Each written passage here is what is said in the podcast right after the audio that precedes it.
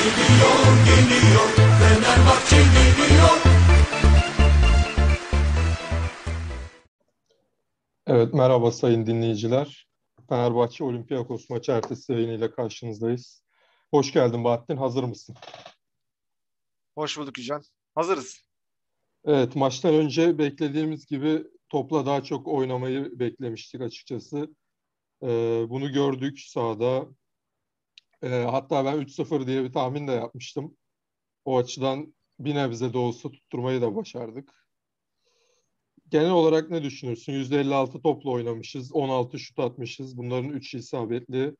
Gol beklentimiz 2,37. O açıdan aslında fena bir beklenti de değil. Olympiakos'ta karşılığında 10 şut atmış, 8'i isabetli. Bu enteresan bir istatistik tabii. 2 gol beklentisi var. Oradan 3 gol çıkarmayı başardılar. Bir genel olarak ele alalım. Tabii şunu da söyledik maçtan, e, yayından önce konuştuğumuz gibi bunu da söylemek isterim. Yani bu bizim 13. yayınımız. Futbol analiz etmek için belki de muhtemelen en zor yayın şu ana kadar. Yani maç olarak baktığımızda. Bakalım neler konuşacağız. Ben de merakla bekliyorum bu yayını. Yani dediğin gibi Olympiakos'un maç planında e, daha orta alanda bizi bekleyip dar alana oyunu sıkıştırıp hızlı kontrollerle beraber geçiş oyunlarıyla pozisyona girme amacı vardı. Zaten Vitor Pereira da e, o amaçla muhtemelen yani Olympiakos'a nazaran bizim daha fazla toplu oynayacağımızı düşünerek e, Pelkas'ı Hatay maçına göre işte Berisha'yı oynatmayıp Pelkas'ı tercih etti. Belki işte Mesut'un gribal enfeksiyonu olmasa onu bu maçta düşünecekti. Onu bilemiyoruz. E, bu şekilde baktığımızda e, Vitor Pereira'nın bence maçı doğru ele aldığını düşünüyorum maçın başı itibariyle. Ama e, tabii bizim de aslında seyirciyle beraber bir yoğun baskıyla başlamamız ama işte yaptığımız o ilk hatada gelen gol maçın biraz dengesini bozdu.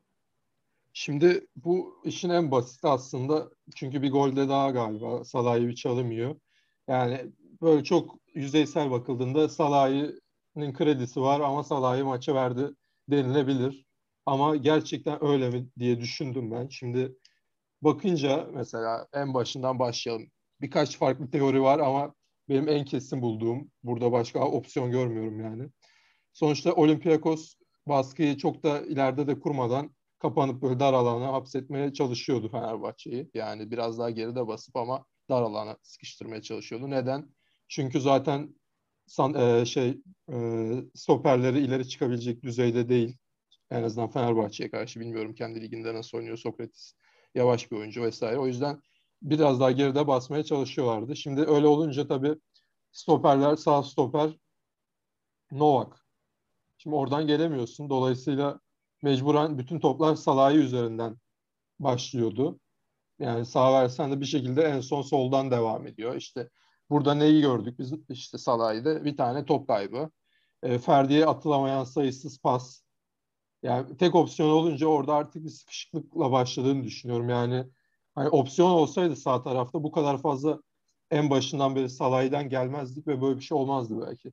Bu katılır mısın acaba yoksa yani Evet evet ben de zaten notlarımda şu şekilde almıştım. Yani Salah'ın performansı tabii kötüydü. Yani bence onunla kesinlikle başlayabiliriz. Yani belki bir tane mesela Pelkas'a attığı bir kilit pas var. Yani o yaptığı başarılı paslar da var ama genel anlamıyla oyunda yani Salah'dan biz daha daha iyisini gördüğümüz için aslında kötüydü belki de.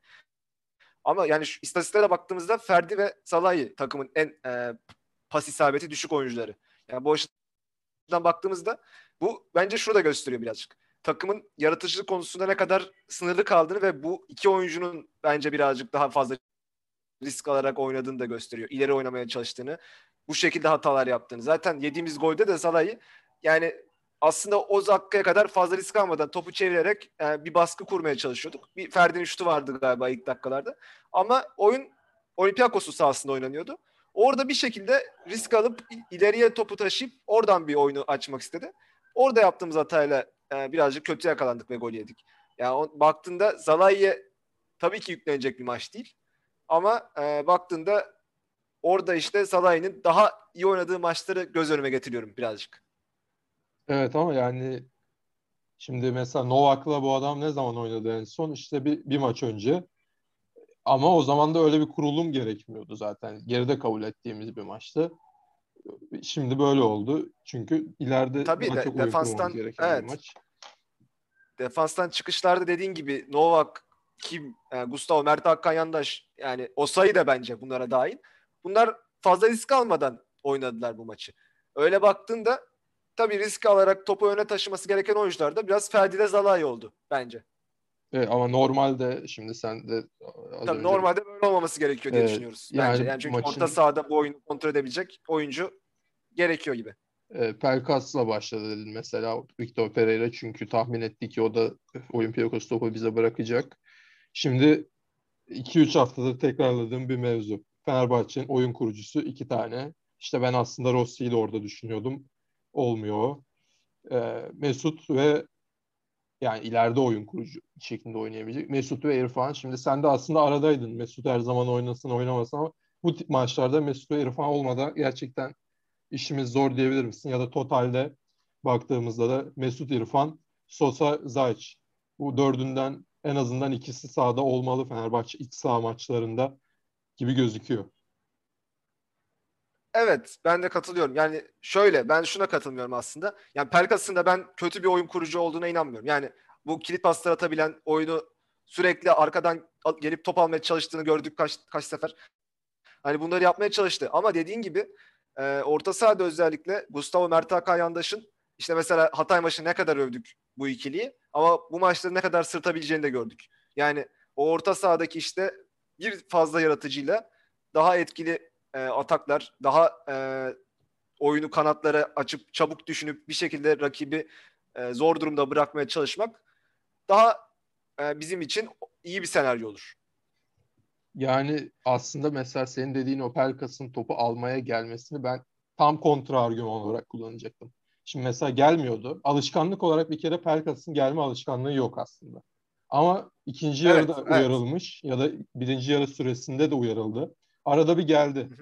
Geldi ama geldiğinde de o pas kalitesi o yani vizyon olarak oyuncu vizyonu olarak Pelkas'ın o vizyonu yok bence. Yani o doğru pası yapmıyor. Geliyor bir pas yapıyor sadece.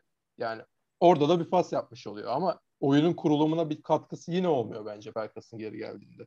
Burada herhalde zıt düşürüyoruz birbirimize. Ya şöyle aslında bizim yara- şu anda oynadığımız sistem 3-4-3 olarak düşündüğümüzde yani Vitor Pereira'nın o ilerideki üçlüye bu tip e, o gel arkadan oyunu kur görevi vermediğini düşünüyorum ben.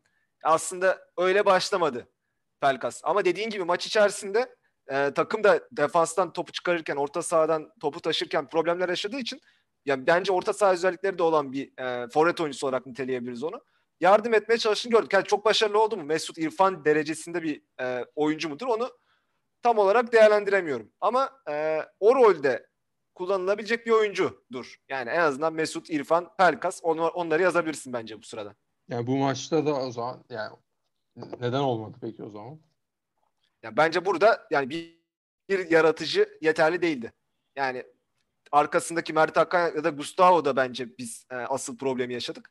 Onların da bir tanesini mutlaka topu e, kreatif ya da kreatif işler yapabilmesi ya da çabuk düşünüp çabuk uygulayabilmesi lazım. Bu ikisini de bence e, Gustavo ile Mert Hakan yapamadı. Evet yani bence Mert Hakan yavaş yavaş ben tabii başka işte YouTube kanallarında da izlediğimiz e, insanlara bakıyorum. Bu Mert Hakan işi iyice artık futbol turnusolu olmaya başladı. Yani kimisi diyor ki Mert Hakan ideal 11 işte ideal 11'den oyuncu çıkarken ıslıklandı falan. Ya Mert Hakan ideal 11'in iyisinde bile değil Fenerbahçe'de. Yani Fenerbahçe kapanacaksa geçiş, geçiş oyunu oynayacaksa net bir plan varsa onda Mert Hakan işler. Onun dışında Fenerbahçe'nin A planındaki oyun topa hakim olup baskı kurma işte Olympiakos'a karşı evet, ufak bir yayın arızası oldu. Bağlantıyla ilgili bir sıkıntı yaşadık.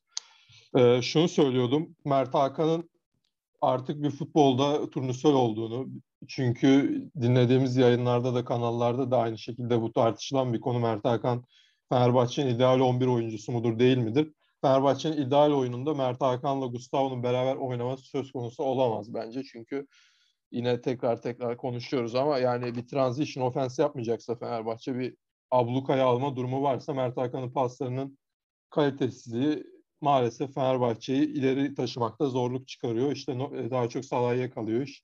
Salah'a kalınca da tıkanabiliyorsun. Bunları konuştuk. Katılır mısın? Yani Mert Hakan bu arada tabii buradan belki yuhlama olayına da geçelim biraz daha ama önce Mert Hakan'la ilgili bir ne düşündüğünü tekrar e, söylersen.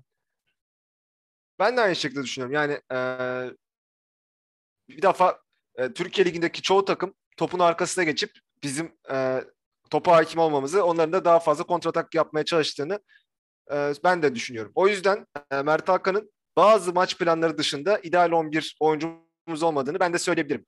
Ancak e, onun da oynayacağı zamanlar yani belki de e, hamle oyuncusu olarak falan belki ideal ilk 11 oyuncusu değil hamle oyuncusu olarak da kullanılabileceğini düşünüyorum. Dediğin gibi e, Zayt veya Sosa şu anda bence formayı bekliyor. Bu işin tabii bir de diğer tarafı var. Ee, şöyle izlerken de fark ettiğim daha sonra maçtan sonra da tekrar böyle fotoğraf fotoğraf bakıldığında sana da attığım fotoğraflarda görebileceğimiz üzere aslında şöyle bir durum oluşmuş. İleride Valencia bekliyor. O sayı bekliyor. Rossi, Pelkas bekliyor. Ferdi çıkıyor. Şimdi hepsi hatta şöyle bir durum da var. Şimdi oraya biraz karmanın çorman oldu ama e, Pereira maçtan önce demişti ki ya da bir önceki maçın toplantısında işte futbol statik değildir. Dolayısıyla 3-4-3, 3-4-2-1 fark etmez. Futbol dinamik bir oyundur. O dinamizmi hiçbir şekilde göremedik biz. Gitti 5 oyuncu, 6 oyuncu bazen. Gitti orada savunmanın kucağında bekledi. Zaten Olympiakos'ta 3 stoper 2 bek oynuyor. Tam kucağına oturdular. Hiç yani geri gelen işte dediğim gibi Pelkas'ın yaptığı gibi geliyor bir alıyor yine aldığı kişiye veriyor gidiyor. Yani o hareketlilik yoktu. Hani tamam Mert Hakan zaten bir de şöyle bir şey var. Sonuçta Mert Hakan'ı tanıyor Pelkas, Rossi tanıyor, Valencia tanıyor, Osayi tanıyor, Ferdi de tanıyor. Şimdi ne bekliyorsun abi? Sen yani Mert Hakan yani Sosa'dan bekliyorsan eğer sen böyle bir şey tamam belki anlarım işte. Ben orada durayım inceyi görsün Sosa. Tamam ama zaten Mert Hakan oynuyorsa Gustavo ile beraber ya ben bunlara bir yardımcı olayım bir hareketli olayım bir yüzü dönük olayım sırtı dönük olayım bir şey yapayım dersin. Bunlar iyice kopuk bir şekilde o tam forvet hattıyla orta saha çizgisi hattı arasında boşaltıp or- orayı Olympiakos'a teslim ettiler aslında. Yani sadece Mert Hakan'la Gustavo'yu da yıkmamak lazım. Mert Hakan ne yapabileceği belli bir oyuncu. Arkadaşları da biliyor. Dolayısıyla biraz da diğer oyuncularla da ilgili bir kopukluk oldu sanki. Ya benim gözlemlediğim biraz maçta şuydu. Biz e, orta sahanın çok fazla kalabalık olduğunu görerek özellikle 15-20. dakikadan sonra oyunu sürekli sağ tarafa yığmaya çalıştık. Oradan ataklar geliştirmeye çalıştık. Ya Mert Hakan'ın da sürekli sağ kanada açıldığını gördük. Hem bir şey yapmaya hani bir şey yapmaya yani bir şey yapmaya çalıştı mı yapamadı. Yani böyle baktığında ne bir orta keser, bir e, oradan e, bir boş koşu atar, oradan tekrar oyun açılır. Bunları göremedim. Ama dediğim gibi orta sahayı biraz boşaltarak kanatlara açıldık. Bunun aslında mantıksız olmadığını düşünüyorum ama tabii oyun sadece de sağ kanada kilitlenince yani orada bir şey üretemediğin zaman top tekrar sola açılması zorlaşıyor. Yani bu şekilde baktığımızda e, yani şu şekilde genelleyebiliriz en azından. Set hücumlarına karşı birazcık e, üretme problemimiz önceki maçlardan da gördüğümüz kadarıyla devam ediyor. Bunu işte çözmek için belki e, Mert Hakan yandaşlarına Sosa veya Zayt tercih edebilir. Mesut Özil'in tekrar devreye girmesi sağlanabilir.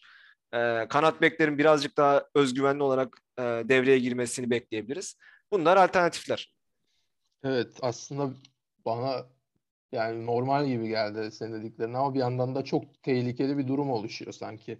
Fenerbahçe'ye karşı özellikle öne geçen takım orta sağ ya ortayı kalabalıklaştırıp ortadan gelmesini engellerse sanki kilitliyor gibi Fenerbahçe'yi. Çünkü tam o ayar bir kanat oyuncusu Fenerbahçe'de biraz Ferdi eden onun dışında da işte o da zaten doğru pas alamadı. Onu da konuştuk yani Salah'ı savunmanın arkasına top atıyor. Ferdi sinirlendi hatta sen tabii maça gittiğin için görmemiş de olabilirsin. Tepki verdi yani artık atma şu topu gel ayağıma at diye. Ee, sağda o sayı o sayı yani aslında baktığın zaman kağıt üzerinde kanattan gelmek için çok da anormal değil. ideal hatta bir oyuncu ama Fenerbahçe kanatlardan gelemiyor. Yani o sayının ben maç maç boyunca yani sürekli sağdan zorlamamıza rağmen yani şut attığını da görmedim. Belki bir tane falan da şut pası vermiştir. Yani oradan sürekli bir hücum geliştirmeye çalışmamıza rağmen ya belki bu sebebi Olympiakos'un e, sol bekinin zayıf olması ya da Onyekuru'nun belki e, oradan fazla yardıma gelme yardıma gelme gelmemesi de olabilir. O yüzden baktığımızda e, aslında Pereira maçın analizini yapmış o açıdan ama e, performanslar da yetersiz kaldığını ben düşünüyorum. Evet tabii. Yani bir maçlık gibi de olabilir diyorsun. Evet. Peki o zaman şimdi şöyle dinleyicilerin kafasında gruplandırabilmesi açısından tekrar ediyorum. Bu Salah'ı oyunun sıkışması benim için de senin için de garanti bir konuydu. Bunun yanında e, skora bağlayabileceğimiz iki mesele vardı. Bir tanesi bu orta sahaların kopukluğu meselesi ya da yaratıcılık eksikliği. Şimdi bir diğer görüşe geçiyorum. O da şu.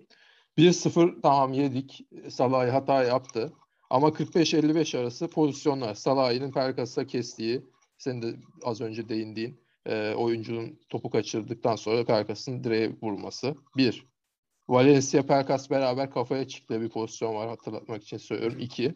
Novak'ın karşı karşıya neredeyse kaldığı, biraz acele etse, biraz daha hızlı olsa kaldığı üçüncü pozisyon 10 dakikada. Şimdi Evet. bö- böyle bakınca işte yanına bunun argümentasyon olarak 2,37 gol beklentisini de koyuyorum. Hatta bir şey daha belirteyim şimdi aklıma gelen. Ee, gruptaki takımları karşılaştıran bir istatistik.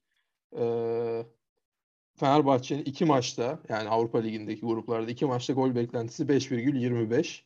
Bu dalda en yüksek. Olympiakos'un 3,27 toplam. Hı hı. Ee, ondan sonra da 2,29, 2,62 Antwerp'le Eintracht Frankfurt. Yani böyle bakınca en çok gol atan bu arada Olympiakos tabii bizde 3 tane attığı için ama en az gol atan Antwerp Fenerbahçe birer gol. Yani aslında en çok gol pozisyonu üret ya da en çok gol beklentisine girmiş takım olmasına rağmen bir gol atamama durumu var. Şimdi burada da 10 dakikada 3 pozisyon ikinci yarı çıktın at bir tane. Zaten Evet. maç dönecek taraftar hazır. Ee, böyle bakınca işte ne diyeceğimi tahmin edersin. O zaman acaba zaten aslında takım bir şekilde oynadı. Bir şekilde oraya getirdi maçı ama gol atma sorunu mu var Fenerbahçe'nin? Yani forvet eksikliğinden mi aslında? Kopukluğu falan bir yana koyalım mı? Yani şu şekilde bence biraz oyunu ele almak lazım. Yani ilk 45 dakikayla 45-60 arası aslında birazcık farklı. Yani ilk 45 dakikada bizim bilinçli olarak düzgün bir akın ürettiğimiz neredeyse pozisyon yok. Yani bir işte Rossi'nin pozisyonu var onda da rakibin hatasıyla işte e, son 44-45'ti 45'ti galiba kaçırdığı bir pozisyon vardı. O da yine bitiricilik sorununa e, güzel bir örnek bence. Evet tabii da Baktığında oraya ama çok net. 46-60 arasında dediğin gibi e, belki işte e, oyunu ilk yarıda gördükten sonra oyunculara aktarması Vitor Pereira'nın orada biraz etkili olmuş olabilir. Bir de tabii ikinci yarıya başlangıç her zaman e, iç saha takımları için daha özgüvenli oynamalarını sağlar. O bir etki etmiş olabilir. Ya mesela şunu bekliyordum ben. Hani ilk yarıdaki oyun aslında iyi değildi. Bu, bu, bu açıdan baktığımızda çok da pozisyon üretemiyorduk. O yüzden e, Mert Hakan ve işte Rossi'yi çıkarıp acaba Berisha ve e, Zayt'si alır mı diye düşünüyorduk. Aslında e, bu değişikliği yapmamasına rağmen oyun ileri gitti. Yani hem Pelkas'ın devreye girmesi hem Salah'ın daha etkili paslar atmasıyla beraber e, daha fazla pozisyon ürettik. Ama yani o 15 dakikalık bölüm dışında baş, bence başka bir bölüm yok bizim oynadığımız. Yani tamam XG istatistiklerini falan incelediğimizde bunlar e, değerli istatistikler ama bence 15 dakika bir baskı kurduk. Orada belki işte bir biri yakalayabilseydik tamam. Ta- kesinlikle farklı olurdu. Yani buna %100 ben de eminim. Ama ondan sonra 2-0'dan sonra da oyun iyice koptu aslında. Evet 2-0 bilmem sen nasıl düşünüyorsun? 2-0'ı getiren de o 45-55 arası takım o kadar istedi ki şöyle bir durum oluştu. Yani yine videodan izlediğim benim maç sonrasında işte Valencia ileride, Rossi ileride, Pelkas ileride, Ferdi çıkmış, Samuel çıkmış. Gustavo ile Mert Hakan da karşı rakip ceza sahasının artık yayında. Şimdi tam ya herkes orada. Tabii o galiba 2-0'lık olan pozisyonda Ferdi ile e, şey Ferdi Novak'la kim kalmıştı? İki kişi kalmıştık. Onlar böyle 3-4 kişi geliyorlardı. Hatırladım. Sorun kadarıyla. şu. Yani en son adam dediğim Gustavo ile Mert Hakan ceza sahası yayında. Orada kaptırınca Hmm. orta sahaya kadar stoperler orta sahaya geçme demiş sanki biri ve o ara bomboş. Yani orada durdurman imkansız artık. Geliyor adamlar mecburen. Yani sen o, o zaman zaten savunmayı ileri çıkarmak demek aslında biraz hani ne kadar ilerideyse takım o kadar çıkacaksın. Yani savunma bence orada biraz daha ileri çıkmalıydı. Tabii bu çok ekstrem bir şey. Sonuçta orta sahada geçsin diyoruz savunma ama. Evet yayın tekrar gitmiş. Evet sayın dinleyenler enteresan bir gün. Yayınımız aslında ikinci kere gittikten sonra biz son 10-15 dakikayı da aslında çektik fakat şu an maalesef çektiğimiz kısma erişemiyorum. Dolayısıyla kalan kısmı kısaca özetleyeceğim sizlere. En son defansla forvetler arasındaki kopukluğu ve bundan sonra da 60. dakika civarında zaten bu kopukluğun oluştuğunu konuşmuştuk. Çünkü 45 ile 60 arasında Fenerbahçe'yi iştahla bastırırken orta sahanın son adamıyla defansın arasındaki boşluğu Olympiakos'un iyi kullandığını konuşmuştuk. Bundan sonra konuştuğumuz konular mağlubiyetin Pereira'ya yıkılmaması gerektiğiydi. Çünkü bazı insanlar örneğin Serdar Ali Çeliker üslupsuzca ve aynı zamanda Bedri Baykam ki kendisi Fenerbahçe TV'nin yorumcularından yani yönetim ağzı olduğunu düşündüğümüz bir e, yorumcu. E, onun da aslında ikisinin de mağlubiyeti biraz Pereira'yı yıkmaya çalıştığını gözlemlediğimizi aktardık.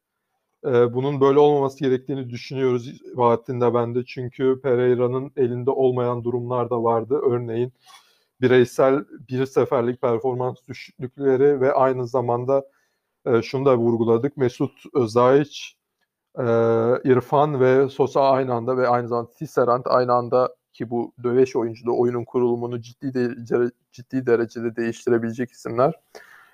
Bu 5 oyuncunun aynı anda daha ne zaman bir daha ne zaman beraber olamayacağını e, söyledik. Yani bu düşük bir ihtimal. Dolayısıyla bazen her şey üst üste gelir. Unutmamak lazım ki bu takım ligde lider ve aynı zamanda hiçbir şey de bitmiş değil. Olympiakos deplasmanında kazanırsak belki Eintracht Frankfurt Olympiakos maçında galip gelirse her şey mümkün. Hala birinci olma şansımız da var. Fakat tabii ki şunu da vurguladık. Eintracht Frankfurt Antwerp'te son dakikada attığı golle aslında artık her şey biraz e, karışık. Birinci de olabiliriz hala dediğimiz gibi ama üçüncü de olmak mümkün. Dolayısıyla evet sıkı tutmak lazım ama hiçbir şey bitmiş değil. Bundan sonra Kasımpaşa maçına geçtik. Kasımpaşa'yı nispeten kolay bir rakip gibi bulduk. O açıdan milli e, araya gitmeden önce Kasımpaşa ile oynamak bir avantajdır. Kasımpaşa'nın bir galibiyeti var. Defans hattı sürekli değiştiğinden bahsettik. Dolayısıyla çok sağlam bir e, defansif e, çizgisi yok. Her maç bir gol atabiliyorlar ve bu golü 3,42 isabetli şuttan buluyorlar. Yani forvetlerinin aslında iyi bir bitiriciliğe sahip olduğunu konuştuk. Dolayısıyla bir gol yiyebileceğimizi öngörüyoruz. Ee, Mesut ve Zayç'in ilk 11'de olabileceğini aynı zamanda Ferdi'nin sağa geçip solda Muhammed'in oynayabileceğini biraz rotasyon beklediğimizi konuştuk. Gerçi milli aradan hemen önceki maç olduğu için hani burada da e, neyse o yüzde yüzümüzü verip sonra zaten 10 gün dinlenebileceğiz gibi de bakabilir belli olmaz. Dolayısıyla evet skor tahminlerimizi de yaptık. Bahattin 1-2 dedi. Ben pardon ben 1-2 dedim. Ee, Bahattin 1-3 dedi. İkimiz de galibiyet bekliyoruz. Gündüz maçı güzel bir atmosferde oynanacağını varsayıyoruz. Pazar günü görüşmek üzere. Dinlediğiniz için teşekkürler. Bu arada Twitter hesabımızı da aklıma gelmişken paylaşayım. Fenerbahçe geliyor. FVG büyük. Sonunda R yok. Oradan sorularınızı iletebilirsiniz, yorumlarınızı yapabilirsiniz ya da yayına katılmak isterseniz de aynı şekilde Fenerbahçe geliyor ya yazarsanız e, uygun bir şekilde ayarlayabileceğimizi düşünüyorum. Tekrardan dinlediğiniz için teşekkürler. Pazar günü görüşmek üzere. Geliyor geliyor Fenerbahçe geliyor